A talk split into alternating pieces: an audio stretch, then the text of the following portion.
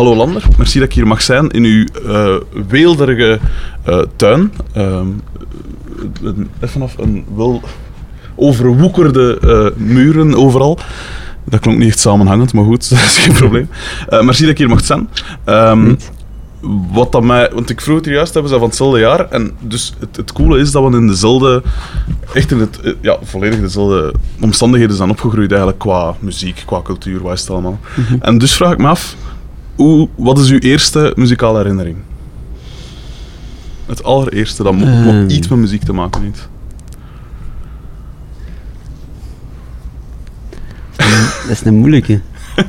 well, ik denk dat dat een kluwen is van verschillende muzikale herinnering. was, er was thuis altijd heel veel muziek. Mhm. Ehm, dus dat moet iets geweest zijn tussen een plaat van Stevie Wonder, uh, een beetje Bach, mhm. een beetje cheesy uh, soft pop van Bruce Hornsby, want mhm. dat is ook van 87, denk ik, geloof ik, die plaat. Bruce, Bruce Hornsby and the Range, dus zo een beetje van die dingen. Ehm, singer-songwriters, hier en daar. Mhm. Niet echt jazz, maar wel avontuurlijke muziek of zo. Ja. Maar, maar een echte klare herinnering heb ik niet. Ik denk dat het gewoon al uh, redelijk vroeg uh, aanwezig was. Mhm. Dus ik, ik, denk dat ik er heel veel had, al, zonder dat ik het eigenlijk besefte. Ja, en zijn uw ouders muzikaal? Um, wel, eigenlijk wel. Mijn vader heeft als, als een kind was, als hij 16 was, heeft hem gedrumd en hij speelt wel gitaar en mhm. piano. Maar het is vooral mijn ouders allebei die, die wel een soort van specifieke smaak hebben om, om uh, muziek te gaan opzoeken. Een soort van ja, gevoeligheid aan, mhm. aan, aan klank. Ja. ja. Um, dus er stond, er stond een drumstel bij ons thuis, of niet? Nee, eigenlijk niet. Ik heb, mijn, mijn drumstel heb ik um, gekregen voor Sinterklaas uh, als ik vier, vijf was. Zo vroeg al? Ja, vijf, hoe, zes. Hoe, had je daar zelf naar gevraagd? Of, ik denk het wel, Of waren constant op dingen Ik, ik was wel al, al wat aan het rammelen, rammelen hier en daar. maar uh, ja, dat was gewoon een soort van... Uh, brol uh, plastieke drumstel voor kindjes. Mhm. Maar dat was genoeg om, uh, om mij op dreef te, te krijgen. Mhm. En dan heeft mijn vader wel zo wat de basics uitgelegd, waar ik eigenlijk nooit, uh, niet echt lang heb naar geluisterd. Want sinds, sinds dan begon ik eigenlijk al meteen fout te spelen. Dus sinds, sinds, sinds dan was ik, allee, ik ben links, ik speel linkshandig en rechtsvoetig. Dus mhm. een beetje dat heb je dan als je als kind wilt starten met drummen. Dan enthousiasme is sterker dan technische mhm. eh, zaken. Maar ik denk dat zo dan echt wel vertrokken is. En ik zeg, het is meer de muziek die thuis rondhing en in elke kamer aanwezig was. En, uh, en een paar concertervaringen mhm. als kind, bijvoorbeeld Akamoon zien. Mhm. Eh, of als kind helemaal losgaan op, op een halfbakken uitgevoerde versie van de Bolero van Ravel. Zo, van die ervaringen. Ja. ja, dat is wel cool. Dat is komiek dat het zegt van dat, van dat linkshandig, drum, linkshandig handenwerk, zogezegd, en rechtsvoetig voetenwerk. Want ik heb uh, een tijd geleden een drum gekocht, omdat ik dat eigenlijk ook al van mijn jeugd wou doen, maar ik had daar niet de wat niet het geld, de plaats of de buren voor. dus dat is er nooit van gekomen. Voor een vleugelpiano was dat blijkbaar geen enkel probleem. maar goed. Uh, en, uh, dus ik heb mij een tijd geleden een drum gekocht en ik realiseer me dat ik precies ook dat, dat ik beter ben linksvoetig. Heb ik al mhm. zitten pijzen. Omdat ik, ik, ik weet niet, ja, rechts, allee, rechtshandig lijkt me vrij logisch. Maar ik heb altijd gemerkt, ook als ik met mijn oortjes op perron of zo zat, dat ik de basdrum met mijn linkse voet mee doe. Dat is iets... Allee, ik had er nooit bij stilgestaan van, ja, waarom probeer je dan een keer niet te, mm te switchen? Ja. Maar ik heb het nog, ben nog altijd niet zo ver gekomen, eigenlijk. maar... Um, dus als, op vrij jonge leeftijd ging dan naar dingen gelijk Akamoon en, en, en de Bolero van Ravel, wat dan mhm. niet, niet evident is voor, voor een kind. niet evident, dat is, dat is wel waar. Maar ik zei, mijn ouders zijn zo wel de vrij rustige kunstminnende uh, mensen die een zekere gevoeligheid hebben Ja. in het algemeen. Het zijn allebei maatschappelijke assistenten, dus je hebt een soort van Ja, cool. eh, gevoeligheid nodig voor, voor Hmm. eh, mensen en voor, gewoon voor, bepaalde, voor, voor bepaalde zaken. Ja. En dat zit, zit gewoon wel bij ons, alle, ook met mijn broer en mijn zus, we hebben dat eigenlijk allemaal wel. En dat vertaalt zich ook in, in hun kunsten en zeker in muziek. Mhm. omdat, mijn, omdat mijn ouders wel altijd, als ze in de wilde jaren 70 ook altijd zeer kunstminnend, ah zeer muziekminnend, Mhm. muziekminnende Gentenaren waren. Dus dat zit, ik weet niet, dat, ze, dat is een beetje een evidentie, maar het is niet dat we naar eh, heel conceptuele dingen. Het is niet dat, het, dat, dat, Ja. dat bij ons thuis een, een soort van intellectueel salon was. Zeker, Ja, zeker niet. Gelukkig. Ja. maar maar achteraf gezien zijn we wel heel blij dat onze ouders Mhm. ons meebrachten naar, of uitstapjes deden die voor, voor een kind eh, zeer toegankelijk zijn, maar die toch ergens Ja. te maken hebben met kunst of zo. Ja, dat, je- absoluut. dat, dan, dat, dat neemt je mee voor de rest van je leven of zo. En dat zijn Mhm. zeer positieve ervaringen. Ja. Ik denk, je moet niet per se in de muziek terechtkomen of in de kunst, maar dat, ik denk dat je daar al dat je daar, daar iets meer mee zet dan dat je naar de kwiek gaat of zo. Ja, ja, op een, een woensdagmiddag. Absoluut. Allee, wat, dat kan ook wel een keer leuk zijn. daar doe je meer kwaad mee dan... eh, dan Het is dat. goed. Het is dat, absoluut. Eh, Ehm, en eh, de andere kinderen, doen die ook iets van instrument? Of zeg je het enige? Ehm, mijn zus die is eigenlijk in hedendaagse dans terechtgekomen. Ze is danseres. Mooi. Ze werkt voor Rosas. Mooi. Ehm, en mijn broer is dramaturg. Hij is eigenlijk dokter in de klassieke filologie, maar die speelt wel heel wat instrumenten. Speelt piano, gitaar en zingt ook wel. Hij Heeft ook mijn eerste groepje was eigenlijk het groepje van mijn broer met zijn, zijn leeftijdsgenoten. Ja. En dat is nu eigenlijk een soort van. ehm, die zijn nu bezig met, met kindertheater. Mhm. Ehm, eh, hij schrijft ook veel voor ehm, bepaalde culturele instellingen, gewoon teksten en zo. Ja. Werkt op het KASK als docent. En hij schrijft voor het cultuurkritisch magazine Recto Verso. Ah ja, oké. Dus we hebben wel alle, alle drie dan iets te maken met, met kunsten. Of, of met de. Ja. Denken over kunst en kunst. Ja, ja. Cool. Ja. Eh, en zij dan... Want je kreeg dus op je 4, 5 kreeg je dat drumstelletje. En zij dan van zodra dat je kon naar de muziekschool beginnen gaan? Of heb je dat niet gedaan? Of? Ehm, dan, dan van daaruit heb ik eigenlijk nog vijf jaar was het te knutselen aan dat drumstel. Mhm. Ehm, in, in welke zin? ja, knutselen gewoon letterlijk eh, flessen bijplakken, nieten. Een, een extra basdrum eh, van, een, van een klasgenootje afgetroggeld, omdat ik per se twee basdrums wou hebben, omdat, omdat dat bij, bij bepaalde... Ik zag dat dan natuurlijk, mijn favoriete drummers van, waren toen de drummers van Frank Zappa, Ja. eigenlijk nog steeds Amai, de- de beste-. De beste drummers in de wereld eigenlijk nog altijd. Hè. Ja. Eh, anyway, dus dat waren zo mijn idolen.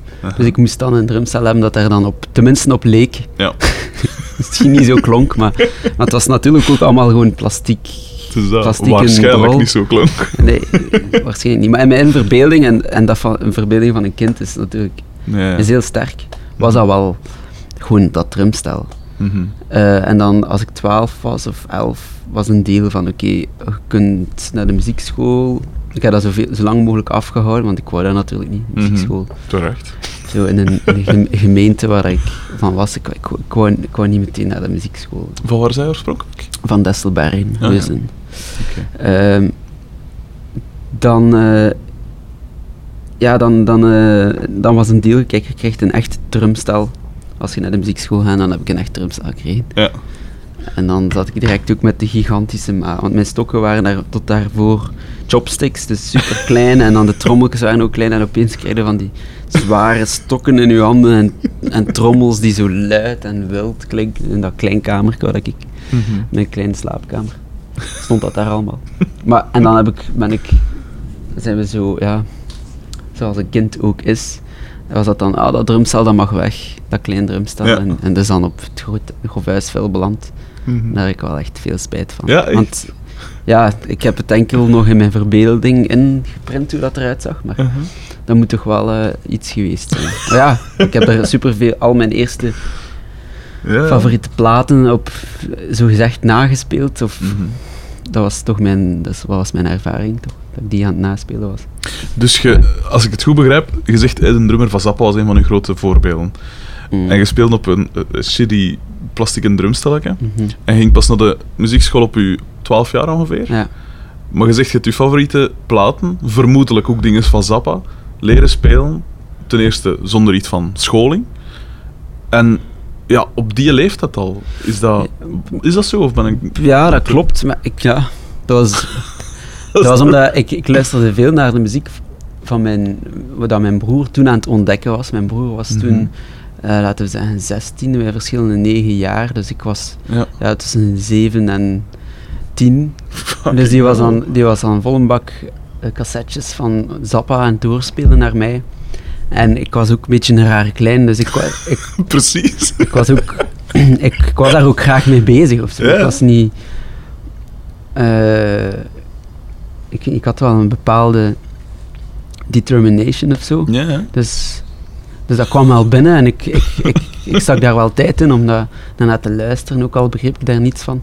Uh-huh. Maar ehm, ja, dat en een beetje Beastie Boys en, allee, het was niet, en een beetje Rage Against the Machine. Het was niet enkel, ja. Zappa is niet per se enorm ontoegankelijk, zeker niet voor een kind, want dat zijn Mhm. melodieën die, dat is zo gezegd soms voor, voor sommigen cacofonisch, maar Mhm.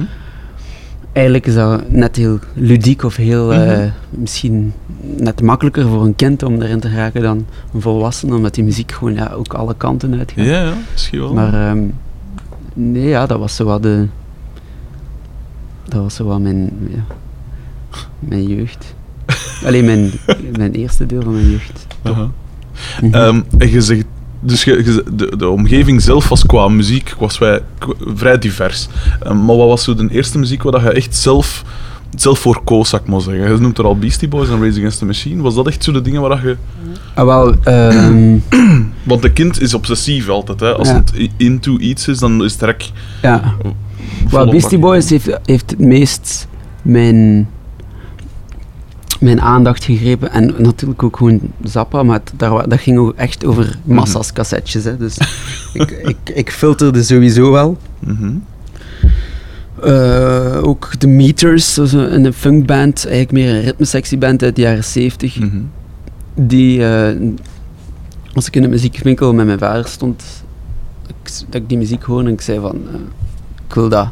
En dan hebben we dat gekocht en dat was, dat was ook wel een belangrijke Mhm. invloed, zeker op vlak van, van groove. Dat was wel mijn Ja. eerste ervaring van, alright, dus zo klinkt bas, drums en orgel, of zo klinkt, dus, Ja. dit is ritmesectie. Op zijn best, zo.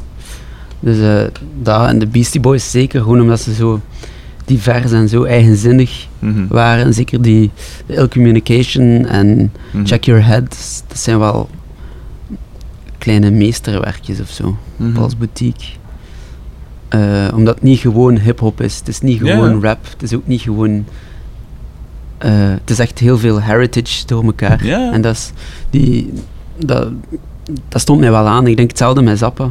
Ook al is dat soms een beetje eh, een lappendeken, omdat je daar er zoveel verschillende invloeden in zitten. Mhm. Dat is wel altijd iets dat mij, dat mij heeft, heeft beetgenomen. Zo. Iets dat ja, redelijke erfenis met zich meedraagt. Gelijk dat Zappa heel veel klassieke invloeden heeft, Stravinsky of Mhm. Pierre Boulez of Indische muziek of echt gewoon rock of reggae of be- eh, doo-wop, zeg ik bebop, bebop ook waarschijnlijk.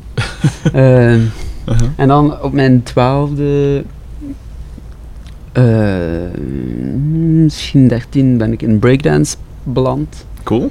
En dan op die manier ben ik eigenlijk veel meer met, ben ik op zoek gegaan naar elektronische hip-hop. Ik maakte ook de, eh, de mixtapejes voor de shows, omdat ik dan ook eigenlijk ook Mix Monster Menno, de turntablist van Stuff, nu Mhm. ontmoette. En bij hem ging ik dan elke zaterdag thuis gaan scratchen. En die Cool. manier had ik ook platendraaiers. En dan eigenlijk op, op die manier ben ik zo wat een vinyl gerold. En Cool. in eh oldschool hip-hop en, en eigenlijk ook gewoon drumcomputer. Zo wat de eerste drumcomputer muziek zouden kunnen zijn. Dus dat is dan weer een ander concept van, van groove dat zo binnenkwam stijpelen.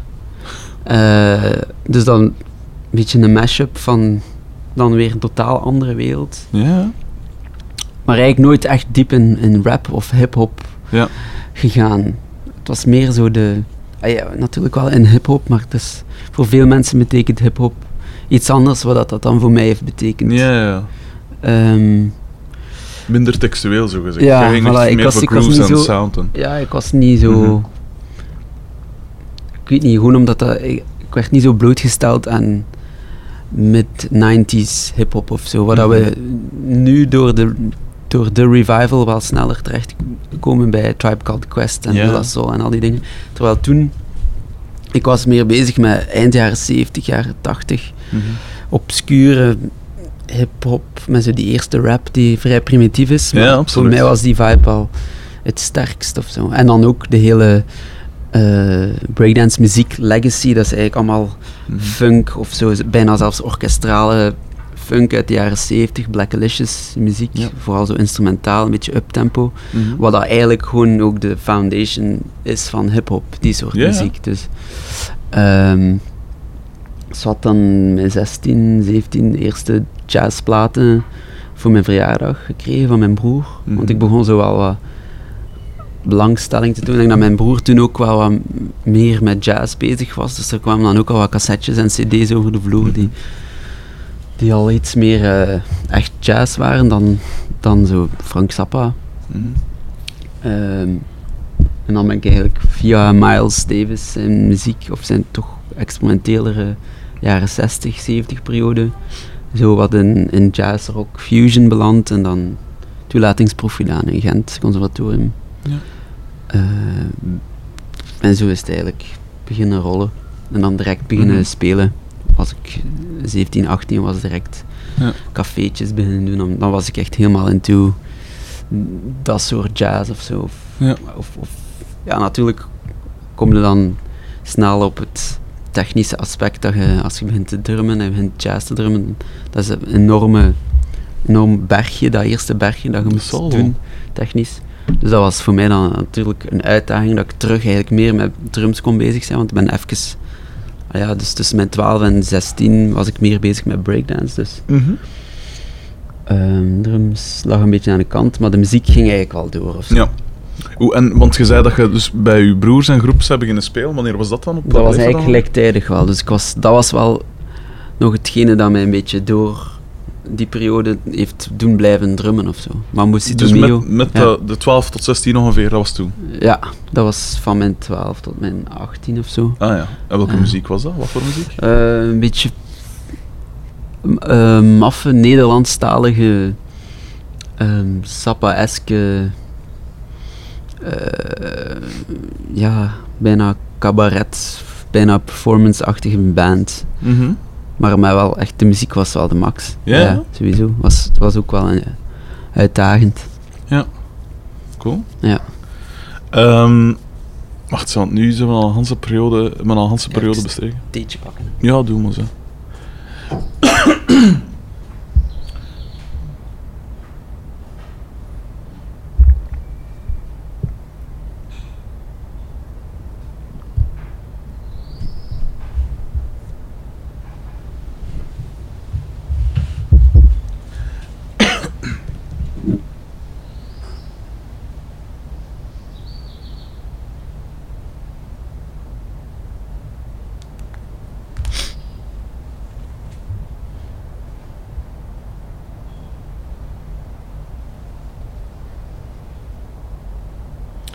Een van onze klassieke halve minuten stilte.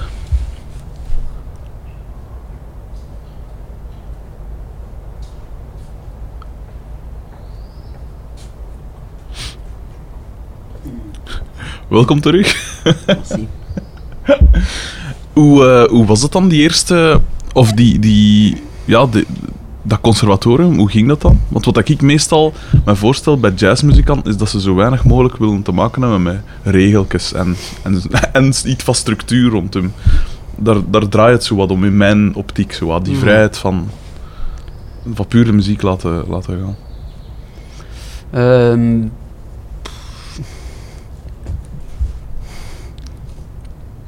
ik weet niet of dat zo is hoor. Allee, Mhm. je zou het zelf het omgekeerde kunnen stellen. Allee, ik vind, gelijk in mijn geval, ik was gewoon van mijn verschillende muzikale omgevingen al zo'n beetje te, Ja.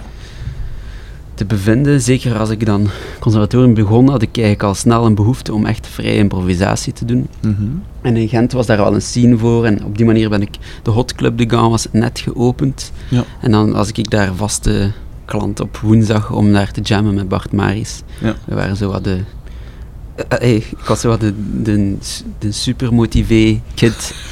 Eh, en ik stond daar elke woensdag door, door weer en wind om daar gewoon echt totale free jazz te spelen. Mhm. dat, voor mij was dat ook nieuw, dus dat was... oké, ik zette daar mijn tanden.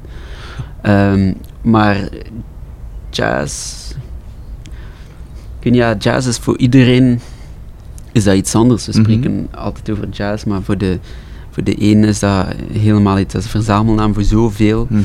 Eh, dat voor mij jazz toen was die vijf platen waar ik in gesukkeld was en waar ik helemaal zot van was. En dat, was, dat is een heel specifieke Mhm. periode en, en specifieke chemie in de band. Ah, Ik heb het nu eigenlijk over het tweede quintet van Miles Davis. Mhm. Een heel jong drummerke, Tony Williams, die was 16 toen. Ja, ja. Herbie Hancock zijn de 23, Wayne Shorter ook 25 of zo. Mhm. En Miles en Ron Carter. En dat was eigenlijk een, ja, een band die eigenlijk een soort van eigen, eigenheid had. Mhm. Dat was ook geen free jazz. Dus dat had nog ergens wel een voet in de, in de 50s, 40s Mhm. offspring van bebop en hardbop. Maar dat ging wel een nieuwe richting uit. En, en er was al sprake van, van echt invloeden uit pop. Mhm. eh, die be- begonnen binnen te sijpelen in de voornamelijk blanke, eh, elitaire jazz scene toen. Mhm. Nou, dat was natuurlijk een al. Dat was een, heel, dat was gewoon een zwarte band natuurlijk. Ja. Maar dus je had daar, die hadden eigenlijk echt een eigen chemie die Ja. bijna die eigenlijk niet te beschrijven is hoe dat, dat komt, of een eigen, eigen energie. Dus ik was daar helemaal geobsedeerd door. Ik moest al die platen van die periode checken en ik las daar veel over. Dus voor mij, als ik, ik Mhm. het conservatorium binnenkwam, was dat de jazz dat ik dacht ik ging studeren of zo. Allee, ik wist natuurlijk dat er intussen veel meer was en zo. Maar dat was eigenlijk het enige waar ik echt enorm geïnteresseerd in was. Mhm. Ehm, en dat viel eigenlijk goed mee. Het conservatorium van Gent was redelijk open en je kon eigenlijk je begeven muzikaal waar dat je eigenlijk wou. Je kreeg, je kreeg een soort van arsenaal waar dat je van, van ritmes en, en structuren waar dat je, waarbinnen dat je werkt of improviseert, Mhm. die je moet aanleren. Mhm. Maar voor de rest ehm, was dat, was dat, dat was zeker geen. eh, dat is niet. Ja, dat is. Ik weet het niet. Elk instituut is daar een beetje anders in. En het voordeel bij mij toen in Gent was dat dat was open genoeg. Dat was een, ik zat een beetje op mijn honger al vanaf Mhm. het begin, omdat ik vond dat een beetje. eh, ik had een gewoon een hoger niveau verwacht. Ja, dus dat, dat er iets meer. Dat ik, dat, ik, dat ik het vuur aan mijn schenen ging krijgen. Ja. en Zo. Eh, maar daardoor kon ik bezig zijn met, de, met muziek daarnaast en naar die vrije impro gaan. Ja. En dan kon ik kon, kon mijn, mijn muzikale interesses verder groeien. En dat, is ook heel belangrijk, om niet te zeggen nog belangrijker dan de scholing die je krijgt voor die vijf jaar. Want anders studeer je af en heb je, Ja, zo. heb je eigenlijk niets en moet je eigenlijk beginnen aan je, Tuurlijk. aan je leven. Dus dat was, dat was goed. Ik heb daar drie jaar gestudeerd. Dan ben ik naar, naar Brussel gegaan. Heb ik bij Stefan Galland beginnen lesvolgen. Dat is de drummer van Akamoon. Mhm. Ehm, daar twee jaar. Dat was, dat was ook echt het juiste moment voor mij. Ik had dan die drie jaar genoeg basics en genoeg techniek eindelijk een keer juist aangeleerd. Om dan, ehm, om dan ja, bij Stefan, die eigenlijk meer als men, een soort van mentor was van wat wil je eigenlijk doen met skills die je hebt verworven of met de muziek die je, die je wilt maken. Mhm. Dus dat was een, een meer persoonlijk parcours dan louter gewoon technisch je scholen. Want bij drums hebben we natuurlijk zoveel... Dat is zo'n technisch instrument dat je, Ja. dat je wel redelijk wat scholing moet krijgen. Maar dat, dat was dan zo net genoeg. En dan met Stefan kon ik eigenlijk gewoon verder de ideeën uitpuren waar ik eigenlijk mee bezig was. Of de muziek waar ik naar aan het luisteren was. Zodat intussen ook al meer elektronica begon te worden. Mhm. Dus dat, dat begon ook al zo een leven te leiden in mijn muziek. Ehm, ja, dat was een heerlijke periode. Ook omdat conservatoria toen, die hadden zeker de masteropleiding, dat was redelijk, ehm, sch- redelijk schaars qua curriculum. Dat was gewoon Mhm. een hoofdinstrument, een klas improvisatie, en nog een ensemble en dan zo een paar vakjes. Ja. Eh, waardoor dat, dat je in staat bent om een hele week te studeren. Je kunt echt, en twee jaar lang. Dus dat was eigenlijk mijn, mijn masterperiode. Ja. Ik heb dat enorm, dan ben ik eigenlijk ook artistiek veel vooruit gegaan. Ik vrees dat dat er nu zo wat, ik weet niet of dat, dat nog zo is, maar dat is, dat is toch iets wat dat zo belangrijk is. dat, eh, dat je tijd krijgt om iets te zoeken Ja. op je instrument. Mhm. En dan ook uh, Chris de Voort was een leerkracht ehm, improvisatieklas. Mhm. En dan ben ik eigenlijk ook met hem beginnen spelen. Die was, die was wel eh, onder de indruk, schijnt. En dan is hij me eigenlijk vrij snel, die was toen bezig met zijn voorlaatste, zijn, ja, zijn opera aan het schrijven. Of die was net gedaan en hij wou terug een trio spelen Mhm. met Nick Thijs op bas. En dan zijn we eigenlijk een heeft hij eigenlijk een nieuw trio gestart. En dan zijn wij beginnen spelen, een plaatje opgenomen. En dan is er een voorstelling gemaakt geweest met Josse de Pauw, waar ik de laatste twee jaar Cool. veel mee heb getoerd. 140 voorstellingen ja. hebben we gedaan. Dat is eigenlijk een soort van concert in voorstelling, waarbij dat Josse een verhaal vertelt, maar op een zeer muzikale manier tussen het concert doorwoven. Ja. En dat is wel, dat was echt eh, heel tof. Dus wij spelen eigenlijk nog altijd ehm, tot heden. Eh, Wat dat mij... Want je bent gelauwerd als een van de beste drummers van België. Nu al op vrij jonge leeftijd uiteindelijk. ik zie u, uw als dat wenkbrauwen. maar geen vergissing is. ja. Ja, wat vind je er zelf van eigenlijk? Nu dat ik... Want uw reactie is, is Ja, komiek. Nee, nee, dat is gewoon... Ja, ik weet het niet, hè. Dat is, ik ben vereerd om dat te horen, maar Mhm. dat is... eh, dat is, dat is gewoon een beetje grappig, omdat... Voor... Ik sta op en elke dag kom ik... eh, heb ik te maken met... Met bepaalde restricties op mijn instrument of in mijn leven gewoon, omdat ik, Mhm. omdat ik meer bezig ben met mails of andere dingen te doen dan dat je eigenlijk Mhm. dus je ziet de berg voor je van wat je nog kunt of wilt kunnen of wilt maken. Mhm. Maar hoe meer dat je met bands verder gaat, hoe, meer, hoe groter dat die berg wordt. Dat je denkt van ik ga daar nooit geraken of tot die, eh, tot die tot dat hoop werk die als je dat zou doen of die, die, dat vol, die voldoening geeft, die zo een beetje zou overeenstemmen met wat dat mensen zeggen over je. Ja. Namelijk, zij goed bezig of dat. Dus hoe meer dat, dat soms gezegd wordt. als u, zo gezegd. Maar ja, dat is ook media. media ik, ik, ben al, ik doe al tien jaar hetzelfde. Even hard of zo. En tien jaar geleden nog, Ja. was ik nog, nog, nog veel gerichter dan nu, Ja, omdat je nu met andere dingen moet bezig zijn. En soms is dat gewoon een enorme discrepantie met. Ja. Sinds dat, de, sinds dat ja, waarschijnlijk ook door de plaat van Stuff en Mhm. en do- door die samenloop van omstandigheden is er ergens wel een focus gekomen, waardoor dat er de media, media iets is van, ah, lander, dit, lander, dat. En ja, dat is, dat is wel komisch, maar voor mij verandert niets. Terwijl voor veel mensen, Mhm. veel mensen zeggen van, hé, je hebt zo'n nieuw groepje, dit, dat. En dan denk ik van, ja, we spelen al tien jaar, maar, maar ja, voor, voor sommigen is dat nieuw en Nee, ja. dat is totaal begrijpelijk. Mhm. Maar dan, de, de lauwering is, is soms grappig, omdat ik het zelf zeker niet, niet zo zie. Of, of Mhm. ik zou willen dat het zo is. Voor mijzelf betekent dat dat ik gewoon meer voldoening zou krijgen uit, uit, uit dingen die ik dingen die ik doe of het, het- het- de tijd te nemen om een keer achter een drumstel te zitten en te studeren. Mhm. Maar die ook te nemen, hè. dus ik kan die ook, ik moet daar ook tijd voor maken. Maar Tuurlijk, ik ga dan sneller een interview doen, bijvoorbeeld. en dan... Nee, nee, maar eh, dat, is, ja, dat is een enorme eer, hè, als mensen zo... Mhm. Dat, is, dat staat gewoon soms ver af van mijn eigen... Mhm. Ik speel gewoon muziek.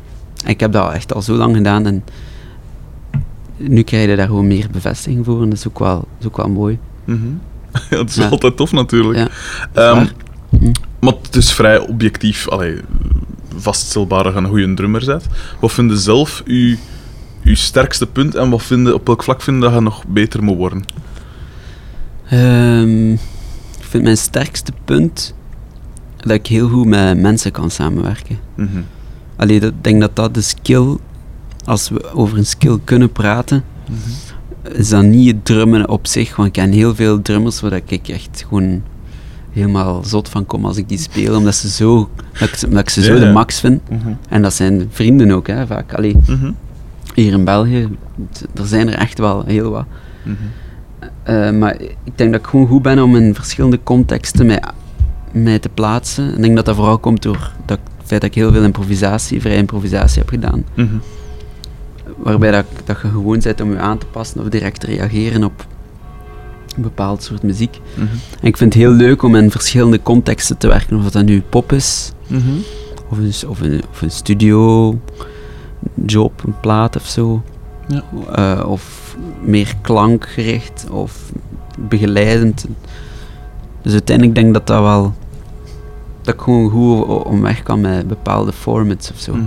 Dus een bepaald kader en daarin mijn ding kan doen. Ik denk dat ik op die manier ook het meest mijzelf kan zijn. Ja. En dat ik misschien wel zelfs het meest, uiteindelijk het meest herkenbaar kan, mijzelf kan zijn. Terwijl als je mij geen context geeft of niets, dan heb ik het vaak heel moeilijk om iets te creëren Mhm. of zo. Dat dat gewoon zo uit het niets moet komen. Ja. Wat dan af is, want ik heb heel veel vrij geïmproviseerd. Ja. Dus, maar daar is de context ook op café. Mensen zijn aan het babbelen. Ja. Bart Maris die gewoon even zo woem erin vliegt met zijn trompet. En dan heb je- is het gewoon zo, het is vertrokken of zo. Dus dat is ergens ook wel een context. Bij, de, bij dat improviseren, ehm, want ik speel nu al een jaar of 15 bas ongeveer, 14. Ehm, en ik heb bijvoorbeeld, eh, toen ik bij Motek ging spelen, wat dat een, eh postrockgroep is, maar dat, daar, de meeste van die nummers ontstonden uit, uit de jams. En ik heb nooit meegewerkt aan een plaat, maar ze hebben me dat wel verteld en we hebben wel dingen geprobeerd en zo. Maar wat dat ik bijvoorbeeld doe, als, als er ge- gejamd wordt of zoiets, is juist... ehm, dus iemand begint met een thema of weet ik veel, riffken of zoiets, is juist er tegenin gaan. Als jij, want ik weet nu niet hoe dat, dat gaat in, in jazzkringen, als iemand iets, iets begint, probeer zoveel mogelijk die te, hoe moet ik het zeggen, ehm, naar, naar, allee, mee te gaan in wat dat zij proberen te doen, of probeer, probeer je juist een soort tegenstelling te creëren. Daarom niet echt Mhm. begin dat atonaal, allee, dat, Ja. atonaal is nu het woord niet, want ja, het, je kunt vrij weinig tonen voortbrengen, maar ik bedoel, het, eh, dat je echt een soort, ehm, ja, ritmisch, a- dat je ritmisch andere talen spreekt, alle twee, of probeer je juist zoveel mogelijk te ondersteunen. Dat ah, hangt er vanaf, hè, ja. Je Mhm. kunt allebei doen. Ik denk dat alles in muziek, of dat dat nu microscopisch klein of eh, eh, echt op macro-level, Mhm. is een contrapunt van elkaar. Dus Mhm. Eh, ja. Ik denk als iedereen op de 1 speelt eh, in een vierkwartsmaat en iedereen zijn noot speelt, dan kun je je al voorstellen dat dat niet echt goed klinkt. dus je moet ergens wel Mhm. iets tegenleggen. Ja. Maar in een con- context waar dat er heel veel dingen, eh, heel veel informatie is, of wel redelijk veel, dus afhankelijk of dat dan nu tonaal Mhm. of op vlak van harmonie of op vlak van melodie. Als er heel veel informatie is, dan ik- ga ik sowieso de neiging hebben om iets vrij eenvoudig te doen. Mhm. Of Dat iets heel wordt, duidelijk ja. en kort. Of, ey, eh, maar het kan ook zijn als ik het helemaal zie wat er gebeurd wordt en het is een loop, Mhm. dus dan zit je ook al met een andere situatie. Ja. Dus dat al die informatie eigenlijk een kleine loop is, Ja. dan, zit je ook, dan is dat kader ook anders en dan zou ik misschien zelfs iets hebben, ik ga die loop meespelen en als dat dan perfect meegespeeld is, dan heb je eigenlijk... Dan, heb je, dan stoort dat niet dat er geen contrapunt is of zo. Ja. Ik weet niet, ja, je hebt zoveel verschillende technieken om van Mhm. reageren op muziek. Een groove alleen al met een bassist is, is vaak dat tegenwicht. Een Ja, backbeat sowieso. en een downbeat is Ja. eigenlijk net, net het, het framework dat je moet plaatsen om een baslijn goed te laten klinken. Vaak, vaak denken van, oh ja, fuck man, check die bas, is zo, zo vet. Uh-huh. Eh, of omgekeerd, laten we het zo stellen. Dan denk ik van, oh fuck, die drums, die klinken zo, maar zo fucking goed, check dat. En dan luisterde, maar eigenlijk is het, is het gewoon al de rest dat zo goed klinkt. Ja. Dus dat, dat gewoon al de rest grooved zo hard. Je kan over een, een, een, riffgitaar, riffke gitaar, of Mhm. laten we gewoon zeggen James Brown. Ja. Dat is gewoon zo één riffje. En is het zo meesterlijk en ze denken van wauw, die beat is zo goed, maar eigenlijk praten we is, het- is het net dat dat, ja. dat het contrapunt is of zo. Natuurlijk, als het over gaat over James Brown met een bassist gelijk Bootsy Collins, kun kun je ook niet zoveel. Groove het altijd wel. Ah, ja, ja, voilà. Puur qua uiterlijk alleen al. Wat, je zei er juist ook van. eh, eh, in de studio en zo, worden jij nu tegenwoordig ook veel gevraagd voor, studio, voor platen in te spelen van andere mensen? Want iemand gelijk Mark Bonne bijvoorbeeld is, is de man op dat vlak. Hè. Die, die, die heeft duizenden dingen ingespeeld. Wordt dat Mhm. bij je ook? Word jij ook veel gevraagd voor zo'n dingen?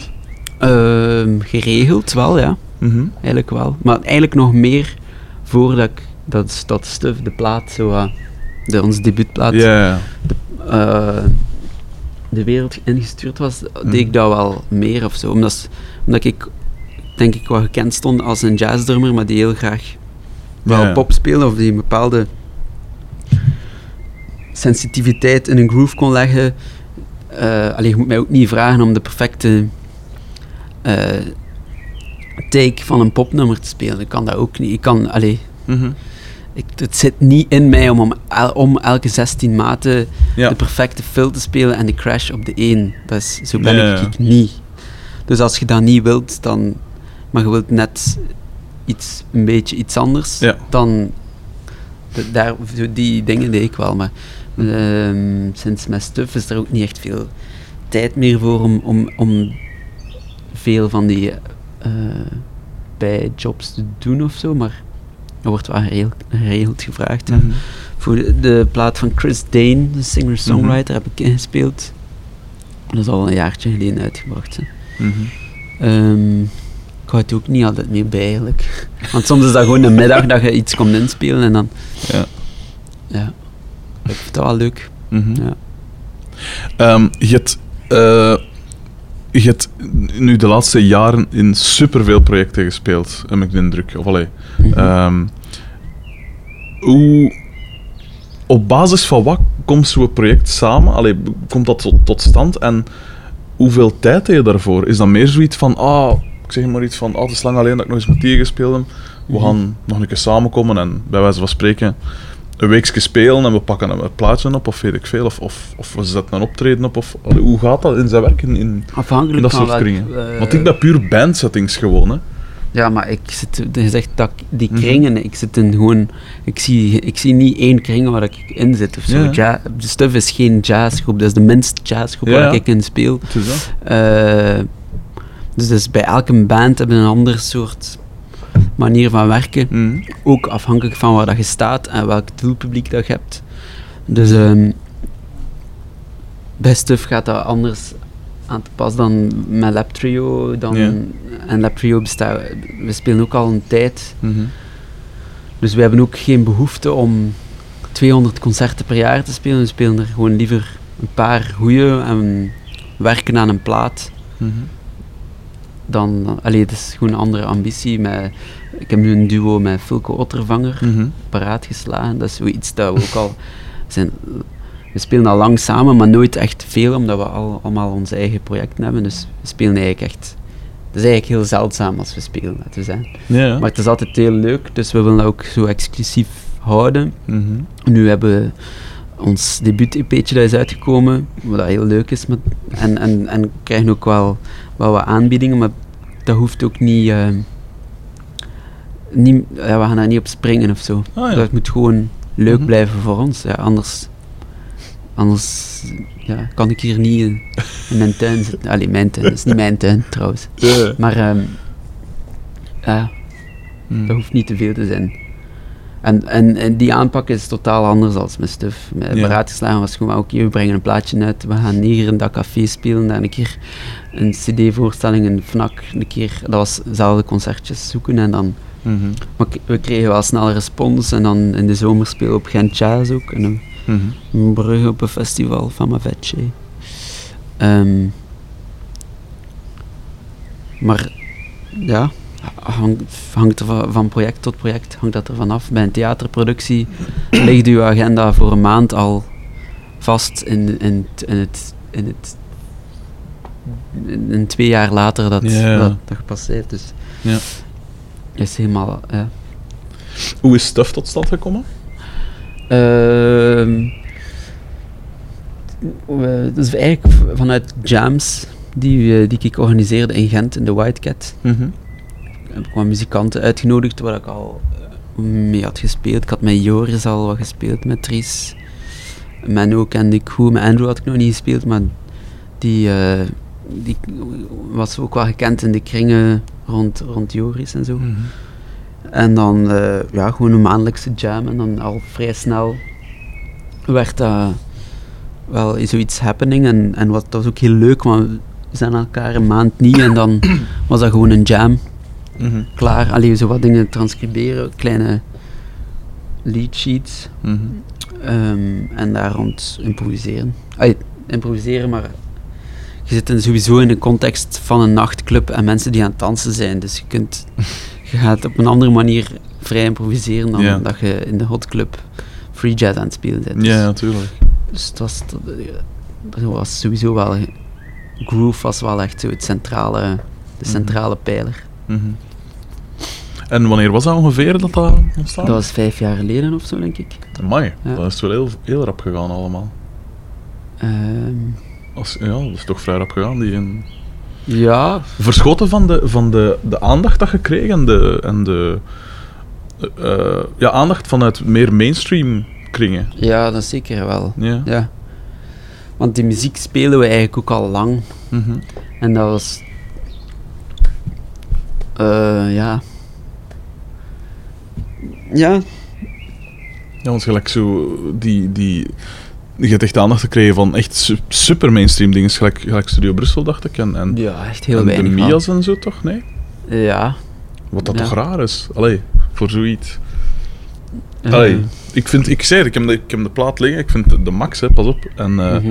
eh, het, het, de, het respect is, is terecht, sowieso. Maar ik vind het raar dat iets wat dat gebaseerd is, een ganse industrie dat gebaseerd is op vier vierde en eigenlijk altijd dezelfde popschema's en weet ik veel, dat die plots, ook al is het vrij miniem, zo gezegd, toch Mhm. wel die een aandacht geven. Ja, Hebben ze daar ooit, je er ooit van... Allee, want meestal zit er iets achter hè, bij dat soort, bij dat soort eh, allee, dingen, gelijk radiozenders en al. Die, die wil niet pluggen. Hè. Een radiozender geeft nooit aandacht zonder, zonder reden, zo gezegd. maar ja, een, er radio, een van- radiozender heeft ook geen benul van wat dat er... Allee, laten we Mm. eerlijk zijn, van wat dat er beweegt en komt altijd achter... Ja, het is dat. Allee, zelfs Kanye West, zijn producers, zijn de beats van de producers die hij opkoopt Tuurlijk. of laat gebeuren, ja. want Kanye West maakt zijn, zijn muziek zelf natuurlijk ook niet. Mhm. Dat zijn beats van jonge producers die eigenlijk uit elektronica komen, die vijf jaar geleden die beats aan het maken waren. Ja, tuurlijk. Dus als je echt mm, bezig wilt zijn met wat er echt gebeurt op Mm. dit moment, dan is een radiozender of een mainstream radiozender vijf jaar te laat. En dat, is Mhm. ook, dat is ook de ambitie niet van een radiozender, dat hoeft het ook niet te zijn. Nee. Eh, zoeken naar nieuwe, frisse dingen. Het belangrijkste is Mhm. nu toch, allee, vandaag de dag, Mhm. vrees ik, is dat er genoeg luisteraars zijn. Eh, dus in dat opzicht is dat eigenlijk meer een commercieel standpunt, gelijk dat je zegt. Dus dan heb je te maken met muziekindustrie. Mhm. Ik zou ook niet zeggen dat muziekindustrie dat dat gebaseerd is op vier kwartsmaat. Ik denk dat muziekindustrie gewoon zich richt op muziek die, die zij denken commercieel te zijn, zodat mensen daar naar blijven Mhm. luisteren. Maar ik denk een beetje dat het succes was met Stuff Mhm. En, waar dat, en daar ben ik wel een beetje trots op. Omdat de, misschien wel de muziekindustrie zich een beetje vergist heeft in het feit dat mensen niet hongerig zijn naar meer. Mhm. Eh, en, dat ze, en, dat, en dat ze misschien gewoon zijn van hetzelfde voer altijd te brengen voor Ja. zoveel jaren, dezelfde formule. Mhm. Maar, na een, maar iets dat heeft kunnen, eh, eh, ja, allee, kunnen groeien, Ja. heeft een bepaalde. eh, gewoon enkel om zichzelf te kunnen zijn en dat vrij authentiek is, gewoon om, om muziek kunnen te spelen. Dus ik heb het eigenlijk over stuff, want wij Mhm. deden dat niet voor iemand, wij deden dat in een Tuurlijk. club waar dat er maar 70 man binnen kan. Dus dat, we doen, je doet dat vooral voor jezelf en voor die atmosfeer en voor, dat, voor die muziek. Dus als Mhm. zoiets kan groeien en die energie zit goed, dan is dat een stuk sterker dan ener wat. Zeker, zeker Ja, live sowieso, op plaat is dat nog iets anders. Mhm. En, en dat is dan wel, daar zijn we dan wel echt verbaasd, omdat het dan ook wel zoveel positieve feedback heeft gekregen. Mhm. Ehm, maar dus ik- daar ben ik wel trots op dat, de, dat we eigenlijk op die manier wel industrie en Mhm. eigenlijk helemaal in de war hebben kunnen sturen. Want het was ook een beetje zo dat als wij op voorhand met labels zouden spreken, dat zo was van, ah, is wel cool, maar we weten het zo niet. En dan kwam de plaat uit en dan kwam de reactie van het publiek, die zoiets had van, alright, eindelijk iets, iets, dat- eh, of iets nieuws of iets fris. En dan kwamen dezelfde labels of partners of media wel kloppen van, wij Ja. willen zo snel mogelijk een... Dus heel log en heel traag zou ik zeggen. Ik, ik Mhm. vrees dat een, een, een, een muziek met een blog of andere media sneller zijn daarin of zo. Mhm. Maar ik zei, dat is ook de ambitie niet van de radio. Dat hoeft niet. Ja. Dat hoeft ook niet. Ehm, met, ehm, om nu bij stof te blijven, hoe komt zo'n nummer tot stand? Ik neem aan dat er in het begin gejamd wordt, maar ja, op een gegeven moment moet je toch enige structuur aan. Ik bedoel, een CD maken is iets anders dan een, een jam sessie. Dus hoe, hoe, hoe wordt zo'n nummer opgebouwd door? Hoe, hoe komt dat tot, stand? Wel, er zijn heel veel verschillende technieken. Mhm. Dus het is een soort van mengelmoes van alles. Van een akkoordenschema dat op voorhand al geschreven is, of een melodie, of zelfs een nummer dat soms helemaal al geschreven is op, op een bepaald software of zo. Dat we zoiets Ja. ingericht idee dat we dan live proberen, eh, dat we dan, dan proberen iets van te maken. Mhm. Of jams eh, die je samen doet, waar dat je dan op iets komt en dan dat je inderdaad een structuur probeert in te krijgen, die neemt je dan op. En bij de eerste plaat ehm, hebben we eigenlijk op verder gebouwd op, op bepaalde jams en dan een bepaalde overdub of een, een andere structuur creëren, zodat het eigenlijk klopt als je, als je er gewoon naar luistert. Want Mhm. de ervaring van het te spelen, of zelfs live, is helemaal anders dan ernaar te luisteren. Eh, bij bijvoorbeeld Event Horizon, Mhm. dat was, ik geloof dat dat nummer nog drie jaar daarvoor is opgenomen. Mooi. Maar de drums klonken niet goed. Dus ik weet nog goed dat we. we hadden maar twee dagen opname of drie dagen opname voor een prijs die ik had gewonnen, een Saban-prijs in de La Chapelle studio. En we waren zo wat op van inspiratie. Ik dacht van, ik heb die in een take mee, we gaan die drums een keer opnieuw doen. Maar dat was ook niet zo evident, want er zat geen klik op. En die, Oh, ah ja, tuurlijk niet, want dat, is, dat was een improvisatie. Event Horizon, dat is gewoon een improvisatie Ja. van lang geleden. Maar waar dat er wel een zekere sturing of richting in zat. Dus ik wist al ongeveer dat ik, waar dat ik van groove veranderde. Dus ik heb eigenlijk gewoon de, de drums opnieuw opgenomen. Mhm. Eh, en dan bleek dat wel te werken. Cool. Eh, dus dat is dan weer een andere manier van, van aanpakken. Ja, is- Zeker zonder klik. ja, ja, ja, dat was spannend. Je hoort ook dat dat tempo dan een, een beetje, beetje van wordt en dan een beetje... Allee, Ja. Heel ja. Heeft een technieker daar dan veel kompwerk aan? Achteraf? Het, het, het weer het, het samentrekken en het, het goed. we doen het allemaal zelf, hè, dus ehm, Je doet het allemaal zelf, ah, Max. ja, ja, de productie is, is... doen we eigenlijk zelf.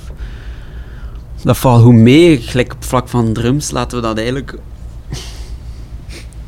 Ey, s- soms is er wat hier en daar iets te veel gespeeld, Mhm. waardoor dat we wel iets overwegen weg te laten. Eh, zodat er meer plaats komt voor andere klanken die Ja. er ook sowieso zijn. Maar eigenlijk qua recht trekken, het is allemaal zo scheef als iets. Dus, dus je kunt er eens geen beginnen aan om, om dat recht te trekken. Dat valt, valt mee. Dat is ook gewoon hoe dat we een bepaald stuk spelen. Bepaald, bepaalde stukken moeten wel hyper strak zijn. Maar andere dingen gaat meer, is het interplay of het, het spel samen maakt meer de groove dan, dan een strakke drums of zo. Ja, ja. Dus, Ja, want hoe belangrijk is dat dan? Allee, want je zegt nu van ja, de groove is, is het belangrijkste, maar bijvoorbeeld bij. eh, ah, wel, gelijk punkrock nu. In principe, als je zegt punk, dan kun je doen wat je wilt. Er is, er is, mag het zo onstrak zijn als dat je wilt. Bij punkrock moet het eigenlijk al. Moet juist wel heel strak zijn, voor, voor goed te zijn, vind ik. Dat echt, allee, Mhm. dat ja, rete strak is, zo gezegd. Ja. Maar hoe belangrijk is dat bij ons? is er meer... Want je zegt, ja, dat, dat ritme verschuift wat van hier naar daar, of het tempo, verschuift ja. zo'n beetje. Ehm, ja, het belangrijkste is dat het gewoon moet Dat grooven. ja. ja. hmm. Ehm, dat is bij eender welke muziek, denk ik toch. ja. Maar behalve als je echt airplay beoogt of van een DJ beoogt, dan kun je niet je klok gaan zitten. ja, het is dat. eh alleen, dan moet het. Anders, anders wordt Mhm. komt het er niet in, omdat DJ's er niet in gemixt krijgt, Mhm. krijgen. Maar ehm, niet zo belangrijk, dus. vrees ik. Oké, zo wat. Ehm, je zei er al Event Horizon. Wat ik zo cool vind, ook aan Event, Event Horizon, is de clip ervan. Mhm. Wie, wie heeft dat gemaakt? En, en Welke clip bedoelde? die met dat gebouw zo op de, Ah. op de achtergrond, met dat ze gewoon die achtergrond zo begint te... Dat is flippen. ehm, een goede vriend van mij max. en ook een fotograaf, eh, Alexander Populier, die, eh, die eigenlijk heel veel foto's voor eh Stuf maakt. Eigenlijk de huisfotograaf zou ik kunnen zeggen. Mhm. Die heeft eigenlijk die visual gemaakt van silo's die in brand staan of die dreigen eh, te Ja, ontploffen. Of ik weet niet wat je er allemaal kunnen zien, maar hij heeft, hij heeft die eh, stil gemaakt. Ja. dat is echt een coole clip, Ja, vind cool. ik. Want inderdaad, zo super simpel op het eerste zicht. Maar zo, ja, ik vind dat echt ferm. Ja. Echt cool. Ja, de max. Ja, we wisten niet, qua content en zo, konden we niet komen op iets hyper concreet of een scenario. Dus Mhm. het was meer een beeld die je eigenlijk in de muziek moet zuigen, Mhm. die eigenlijk meer past. Dus eigenlijk meer zo visual gewijs. Ja. Dus toffer soms dan een clip die, Mhm. die je eh, ja, naar andere oorden brengt. Ja, dat, is, ook al wijs, maar dat Het leidt meer af, zo, het leidt meer af, denk ik. Ja. Ja, inderdaad. Ehm, je zei er juist ook van, de, de drums klonken niet goed. Hoe belangrijk is de sound van je drumstel? Je hebt mensen dat echt zeggen van, geef mij hier om het even wat en ik speel daarop. Je hebt natuurlijk ook echt gasten dat zeggen, ik speel enkel op dat en dat en dat. Hoe is dat bij u? Ik ben wel van de soort, geef mij maar om het even wat. Ik vind dat wel echt de max om, Mhm. om het ener wat klank te maken. Maar dat is dan ook een beetje iets wat ik graag doe en ook al heel veel heb gedaan. Omdat je altijd met jazz toch in andere contexten Mhm. terechtkomt en op het slechtste instrument speelt.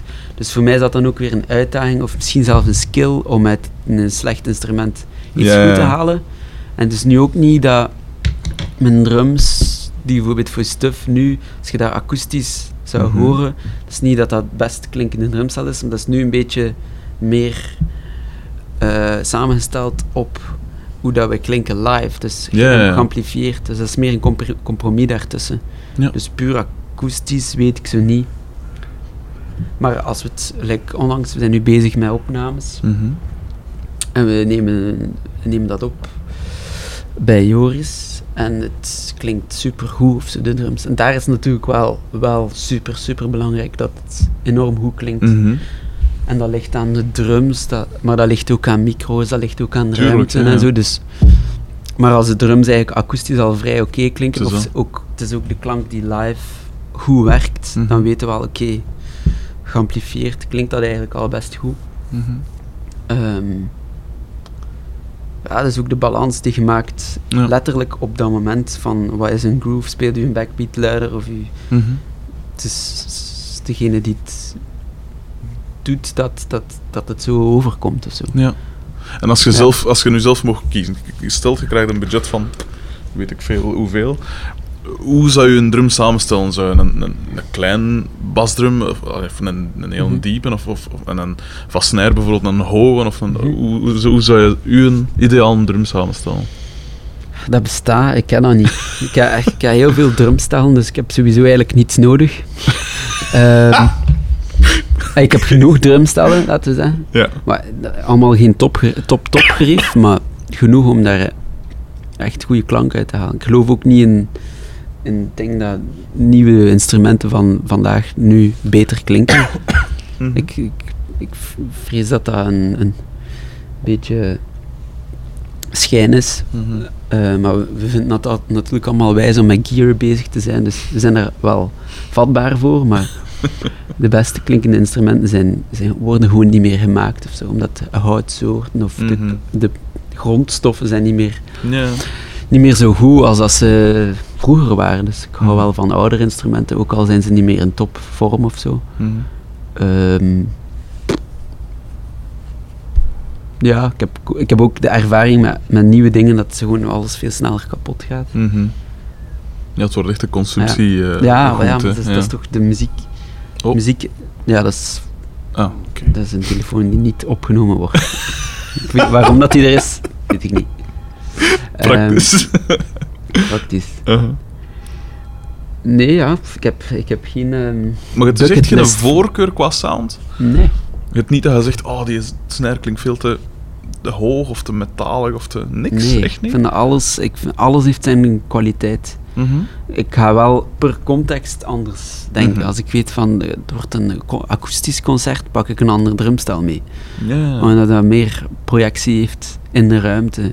Of als ik weet hoe dat die ruimte gaat zijn, dan weet ik al iets meer van ik wil die klank. Maar ik wil soms ook een andere klank, zelfs bij, bij Stuff nu niet, omdat, gewoon, omdat er zoveel informatie is, Mhm.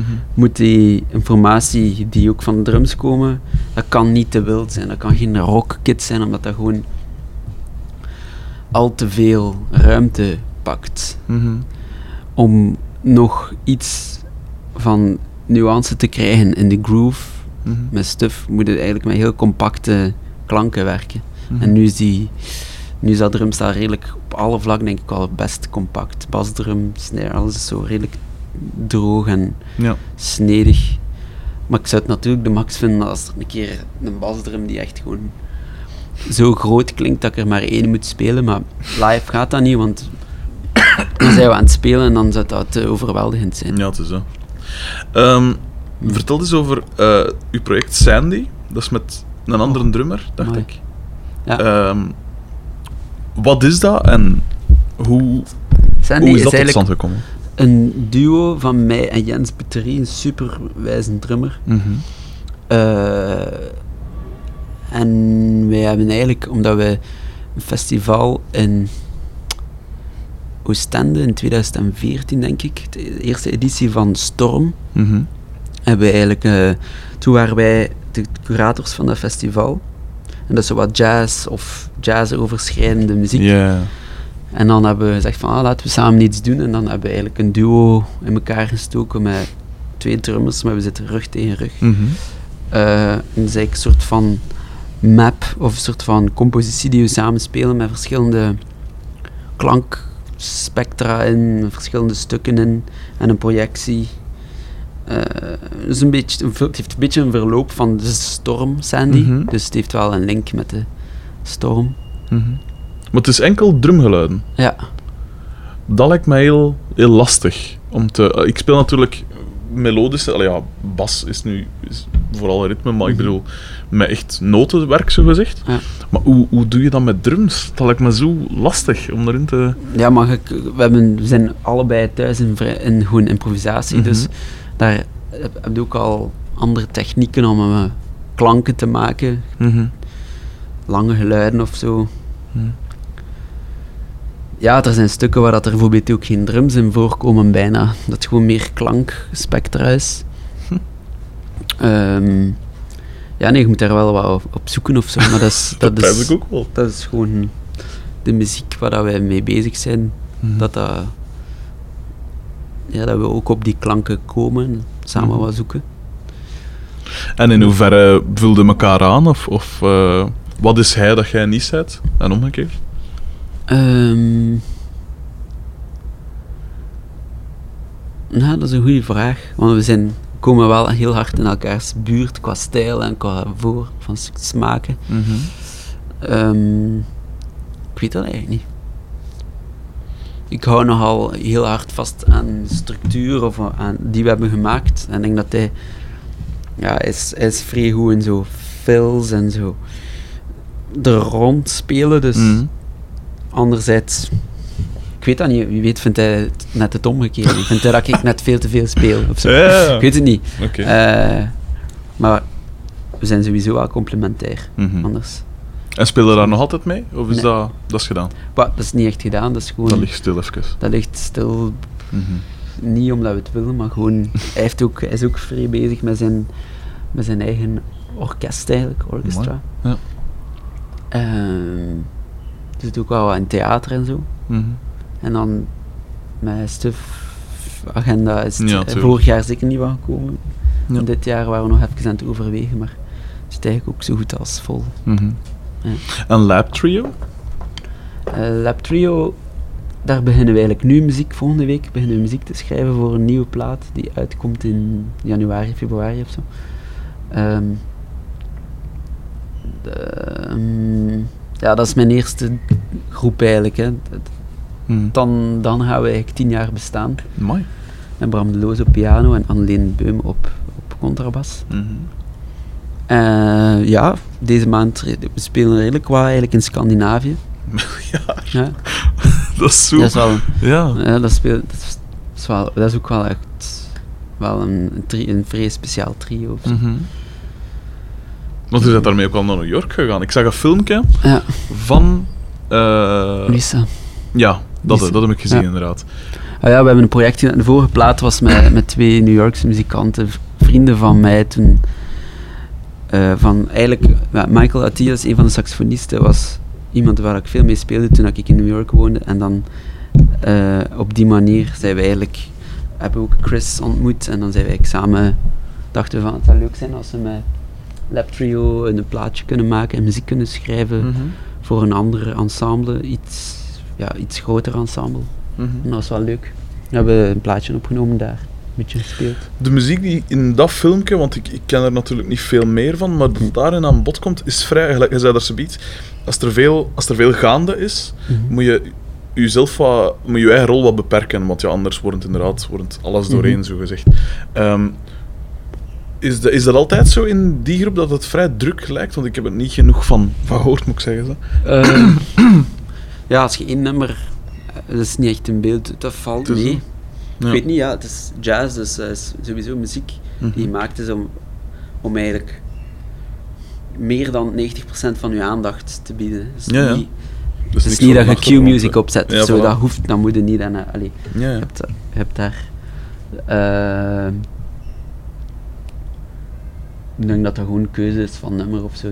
Valt Ah, ja, mee. oké. We hebben ook heel echt lange minimalistische stukken die gewoon zo misschien zelfs geen drums hebben. Ja, cool. Maar dat is zo wat een vurig nummer. Ja. Je zei dat je in New York woonde. Hoe, hoe zei je daar terecht gekomen? Want dat is... Ik heb daar een jaar gestudeerd. Ah ja, Ja. oké. Dus dat was na... Dat was na Brussel, ja. Hoe was dat dan? Eh, En in hoeverre verschilt dat met hier? dat is helemaal anders. Ja. Ik kan dat niet echt samenvatten, vrees ik, sorry. Dat is, zo de meest, dat is de moeilijkste vraag. En hoe was dat dan? Kijk, zeggen van, en hoe was uw leven? Of zo. Ja, dat was best goed. Uh-huh. Eh, nee, ja, hoe was dat? Ja, goed. Het was een heel fijne, vooral interessante persoonlijke ervaring voor mij. Mhm. Eh, om alles in een ander licht te zien. Ehm, muziek ook, uzelf, alles ziet, is gewoon opeens anders. Mhm. Eh, je bent ook alleen, dus je bent ook eenzaam natuurlijk. Of je, en je zit in een gigantische stad. Je hebt Mooi, elke avond wel een concert dat je kunt checken, dus dat is dan wel anderzijds weer enorm inspirerend. Mhm. Eh, je zit daar ook niemand, maar je zit daar dan ook in een school tussen allemaal kids, want ik was daar wel een, een ah, ik was al ouder, ik was 4, 24, 25. Ja. Maar dat was wel, ja, dat was enorm interessant. Mhm. En in hoeverre verschilt de, de, verschilde de manier van onderwijs daar met hier, of was dat vrij, vrijwel hetzelfde? Mm, dat is helemaal, dat is wel echt anders. Ja. Vooral omdat jazz van daar is, en zeker van New York. Ja. Dus het niveau ligt hoger, methodiek is een beetje anders, is iets strenger, is iets, iets meer op drill. Terwijl in Europa de neiging dat toch iets meer artistieke vrijheid Ja. eh, wordt gepromoot. Terwijl daar in die school wordt zeker gepromoot, maar voor die jaren dat je daar zit, moet je eigenlijk vooral je instrumenten heel goed leren spelen. Dus eigenlijk, gelijk dat we, ik vergelijk het vaak met, het is gelijk hoe dat we klassieke muziek hier Mhm. aanleren in, in onze conservatoria, daar wordt ook jazz Ah ja, mooi. Eh, op die manier aangeleerd. Dus Ja. op een, naar mijn mening, iets te veel op een reproductieve Mhm. manier. Ehm, terwijl hier jazz in de conservatorium net iets nog vrij nieuws is. Dus Mhm. je hebt meer de ruimte om jezelf te ontwikkelen als artiest. Zonder dat je te veel wordt opgelegd om, om dingen te doen die je misschien nog niet tof vindt. Om te, te studeren of zo. Ehm, een vrij clichévraag nu. Eh, wat zijn uw favoriete platen aller tijden?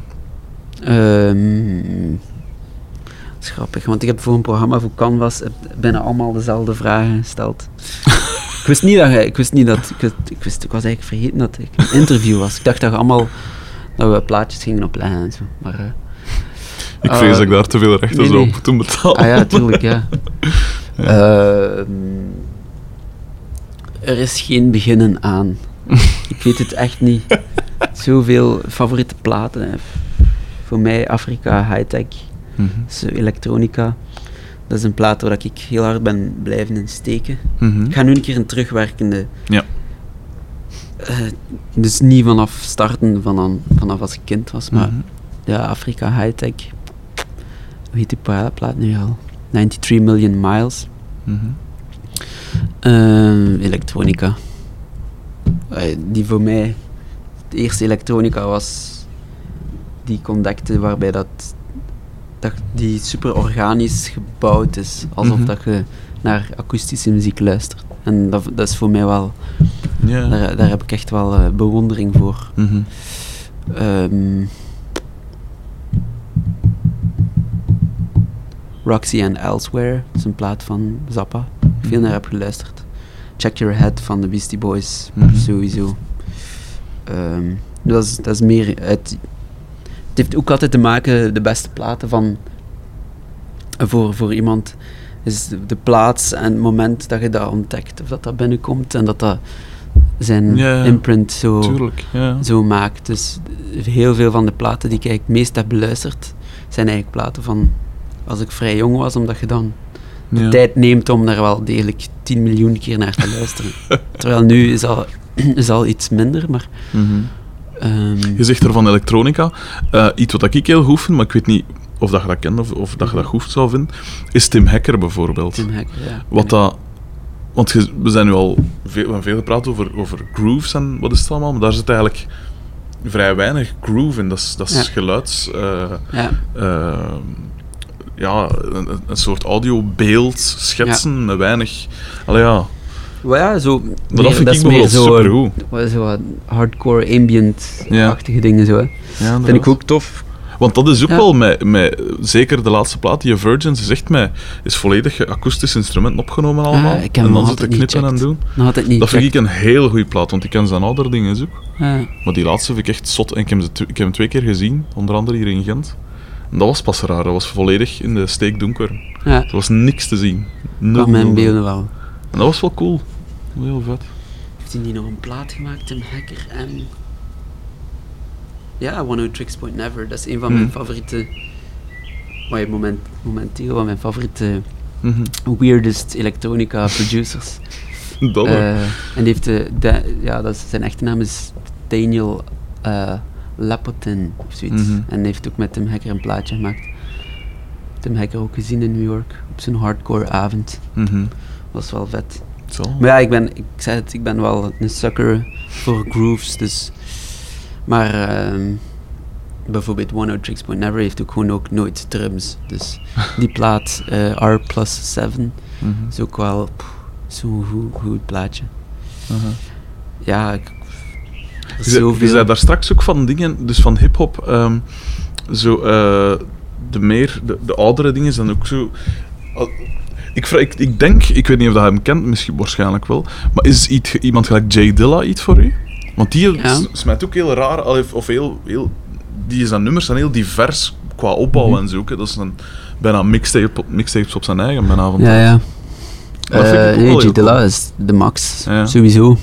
Ik denk dat ik gewoon meer ehm, beïnvloed ben geweest door de, de, de offspring van J Dilla. Ja, Maar de offspring niet van toen dat hem al gestorven was en dat hem zo Ja. een cultfiguur werd. ja. Maar meer ehm, jonge producer gastjes die op het moment dat Dilla eigenlijk wel wat naam begon te krijgen en, en ook zijn beats eigenlijk een eigen leven begonnen leiden. Ehm, ja, gelijk Hudson Mohawk als die Mhm. super jong was, zijn eerste dingen. Hudson's Heaters of Puzzles, is ook een EP die ik echt wel de max vind. Ja. Daar hoorde de invloed van J Dilla, maar nog even eh, meer turbo-stijl en, en iets meer verder doorgedreven. Cool.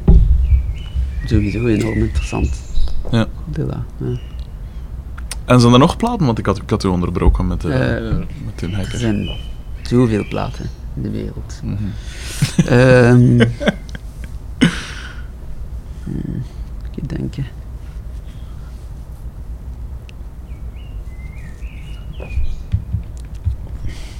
Ja. pff. Ik ben ook echt een platenmens, dus ik kan. Ik, kan Mhm. dat is be- ik weet echt niet waar te beginnen. Echt. Even gewoon bij gebrek met iTunes. Ja, ik, zou- ik zou nu enkel eh, voornamelijk elektronica dingen Mhm. zeggen, maar pff, ja, de Goldberg Variations van Glenn Gould Ja, staat is altijd natuurlijk- op mijn, op mijn dus, ehm, Venetian Snares, Wayne Shorter, oude dingen. Ehm, Ik vind het cool dat je Glenn Gould zegt, want Glenn Gould was ook wel zo wat de meest... Of vind ik toch een van de meest... Meest ja. ja. voilà. is wel waar, hè. Christian Wallenreuth Ensemble, dat is een, Christian Wallenreuth is een componist, Mhm. een Noorse componist, die vooral met akoestische muziek, ehm, die ergens wat barok muziek aanraakt en Mhm. vrije improvisatie. Vind ik prachtige muziek. Ja. Maar dat is echt vooral compositie, super mooie Mhm. dingen. Eigenlijk naar veel jazz luister ik niet zoveel meer. Ja. Ehm, enkel jazz die zo wat te maken heeft met. Ja. Jazz die mij niet te veel doet denken aan zo technische. Mhm.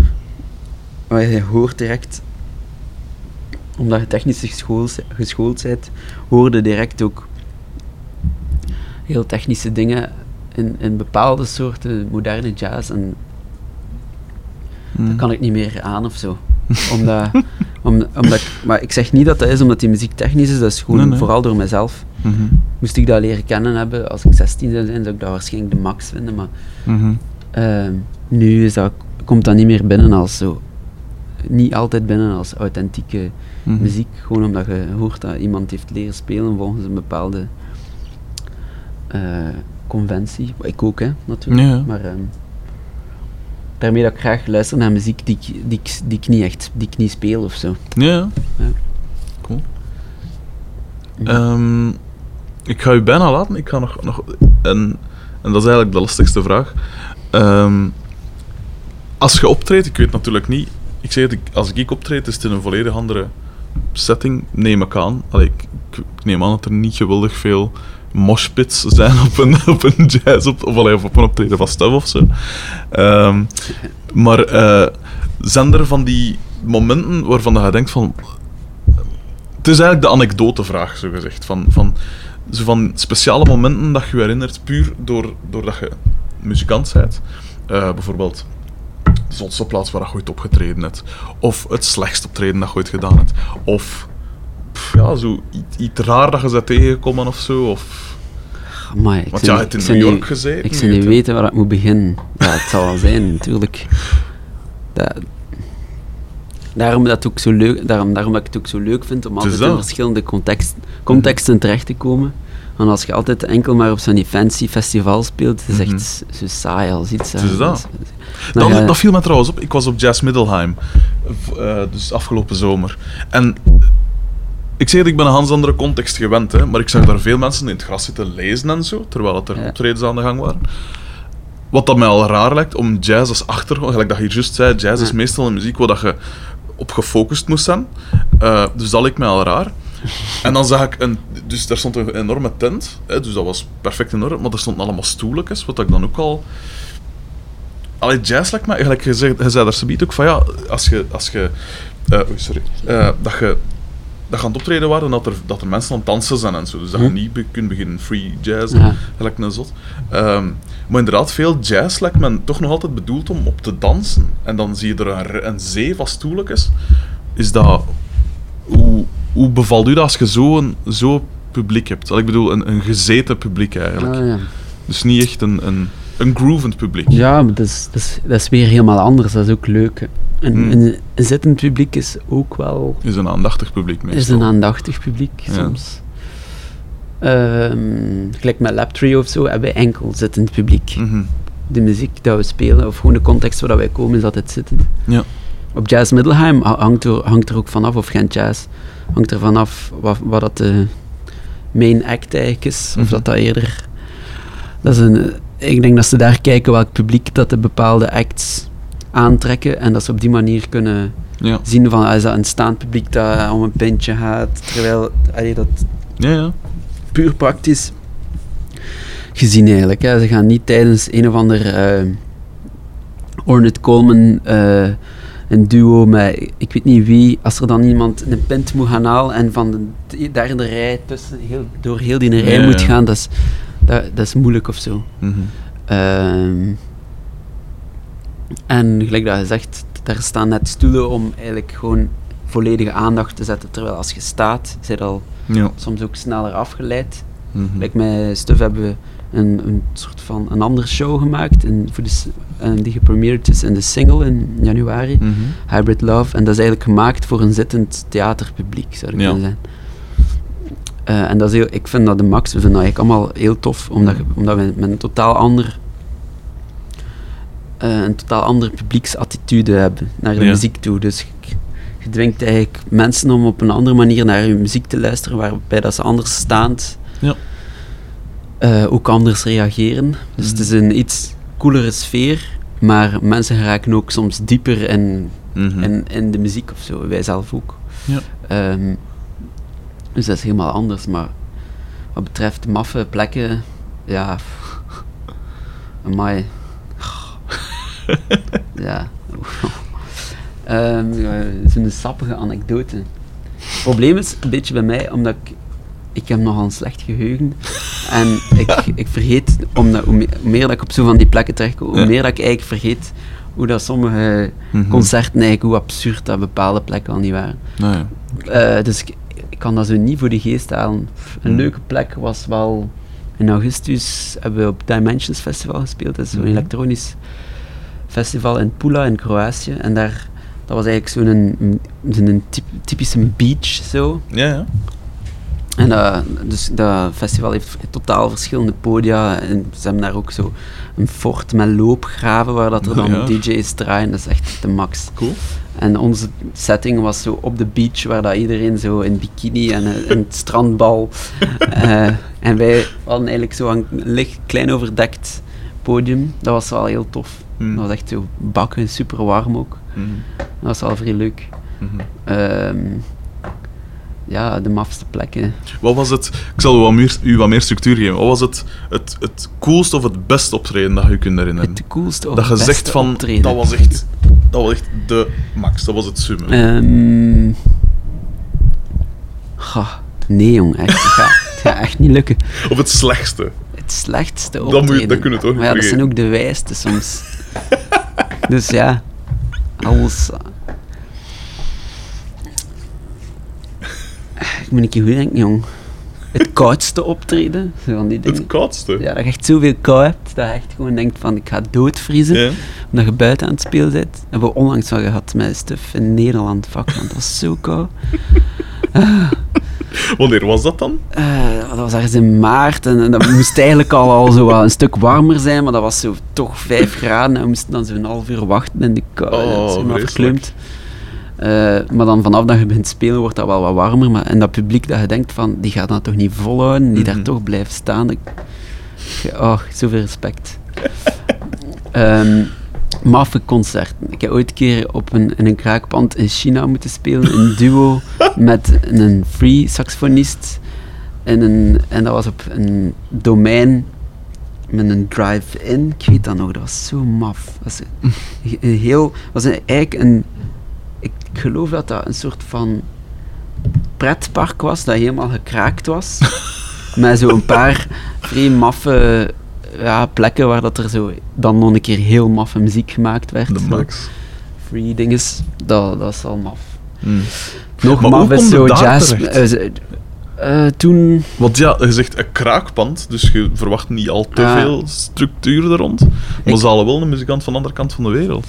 Dat is toch... dat was om. Ja, ik heb heel veel van die projecten ge- gedaan. Die zo, dat was nu toen een project. Eh, dat ging vanuit Gent Creative City of Music of Arts of zo van UNESCO. En Mhm. daar eh, hadden ze mij gevraagd om. Dus Absent Minded was mee om een paar concerten in Mhm. in eh, China te spelen. Ik als improviserend muzikant samen met Helene van Hagenborg en Esther Venrooy. Mhm. Ehm, waren er dus een aantal concertjes over in China georganiseerd. Ja. Ehm, als soort van eh, culturele ambassade, zou je Ja. kunnen zeggen. Dus, en in, en in Beijing was dat, dat klein maf plekje. Omdat ik toen ook maffe muziek aan het spelen was. Dat Ja. was eh, samen met saxofonist Li Che Chao. En daar ook met dat muziek, dat, door censuur eigenlijk, is free jazz en zo, dat bestaat daar nog nauwelijks. Dus dat is eigenlijk nog vrij nieuw. Dus dat, is dan, dat komt dan meer voor in, in zo'n soort plekken natuurlijk. Ja. Like dat je ook free of jazz vroeger waarschijnlijk meer had in, in België toch, in, op, Ja. ja, niet in jazzclubs gelijk dat we ze kennen in, in, eh, in Amerika, maar misschien meer in kraakpannen of zo. Ja, Cool. ja.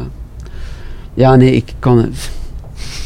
Is zo mijn dagdagelijks, ehm mijn dagdagelijkse bureau Mhm. dat ik, eh, dat, ik dat ik eigenlijk ook al een beetje gewoon word aan zo maffe situaties te Mhm. zien. Maar vorig jaar hebben we met veel Engelse festivals gedaan en daar zie je ook wel, wel wat maffe, heb ook wel op maffe podia gestaan. Sowieso met de meest kleurrijke, hippie-achtige backdrops en whatever. Mhm. Ehm, ja, ook ja, bijvoorbeeld met beraad geslagen op zich. Wij speelden vroeger altijd in de Fatima en dat was zo Ja. wat een, een droog voetbalkantine-achtig eh, café. Mhm. Op zich is dat ook een vrij toffe locatie. Dat is heel, heel maf. Je zit daar bijna op de bar met je instrumenten en de mensen kunnen ze niet echt zien, dus ze Ja. springen er zo wat rond of op. Dat zijn, dat zijn leuke plekjes, zo, Mhm. cafés. Plekjes waar dan mensen dicht op elkaar moeten komen te staan, is Ja. tof. Maar we hebben nu ook al in Engeland gestaan met, met stuf waar dat er dan zo twee man staan. En nee, is zo zat of uit naak dat Ja. dat het eigenlijk niet uitmaakt of dat hij naar een concert aan het zien is. Dus dat zijn ook... Dat is het minst tof eigenlijk. Ja. Als, gewoon, als er geen publiek is. Het maakt Mhm. soms niet uit op welk instrument of hoe slecht of dat, dat de omstandigheden zijn. Mhm. Soms is het zelfs verrassend leuk als je in een slechte situatie Ja. speelt. Absoluut. Maar gewoon, het is tof als, als er mensen luisteren. En als Mhm. die mee zijn, als, als die sfeer eh, de plek overstijgt, dan dat is dat is altijd de max Mhm. waarin een, een festival of een club eh, of een cultuur, cultuurcentrum waar dat er drie mensen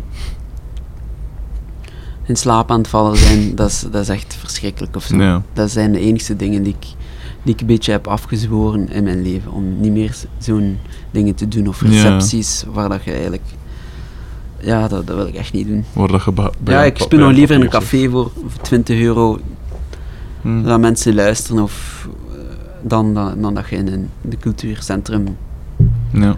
ehm, mensen komt entertainen die eigenlijk toch in slaap vallen.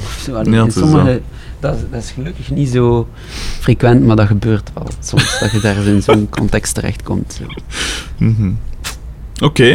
Eh, ik zou je enorm willen bedanken voor de, de aanzienlijke hoeveelheid tijd dat je het vrijgemaakt. Dat is niets gedaan. ik vond het heel interessant. Ehm, ik vond het heel tof.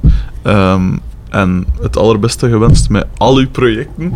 en uiteraard met Merci. Stef en, en zo. En eh, enorm bedankt dat je die wou doen. Merci.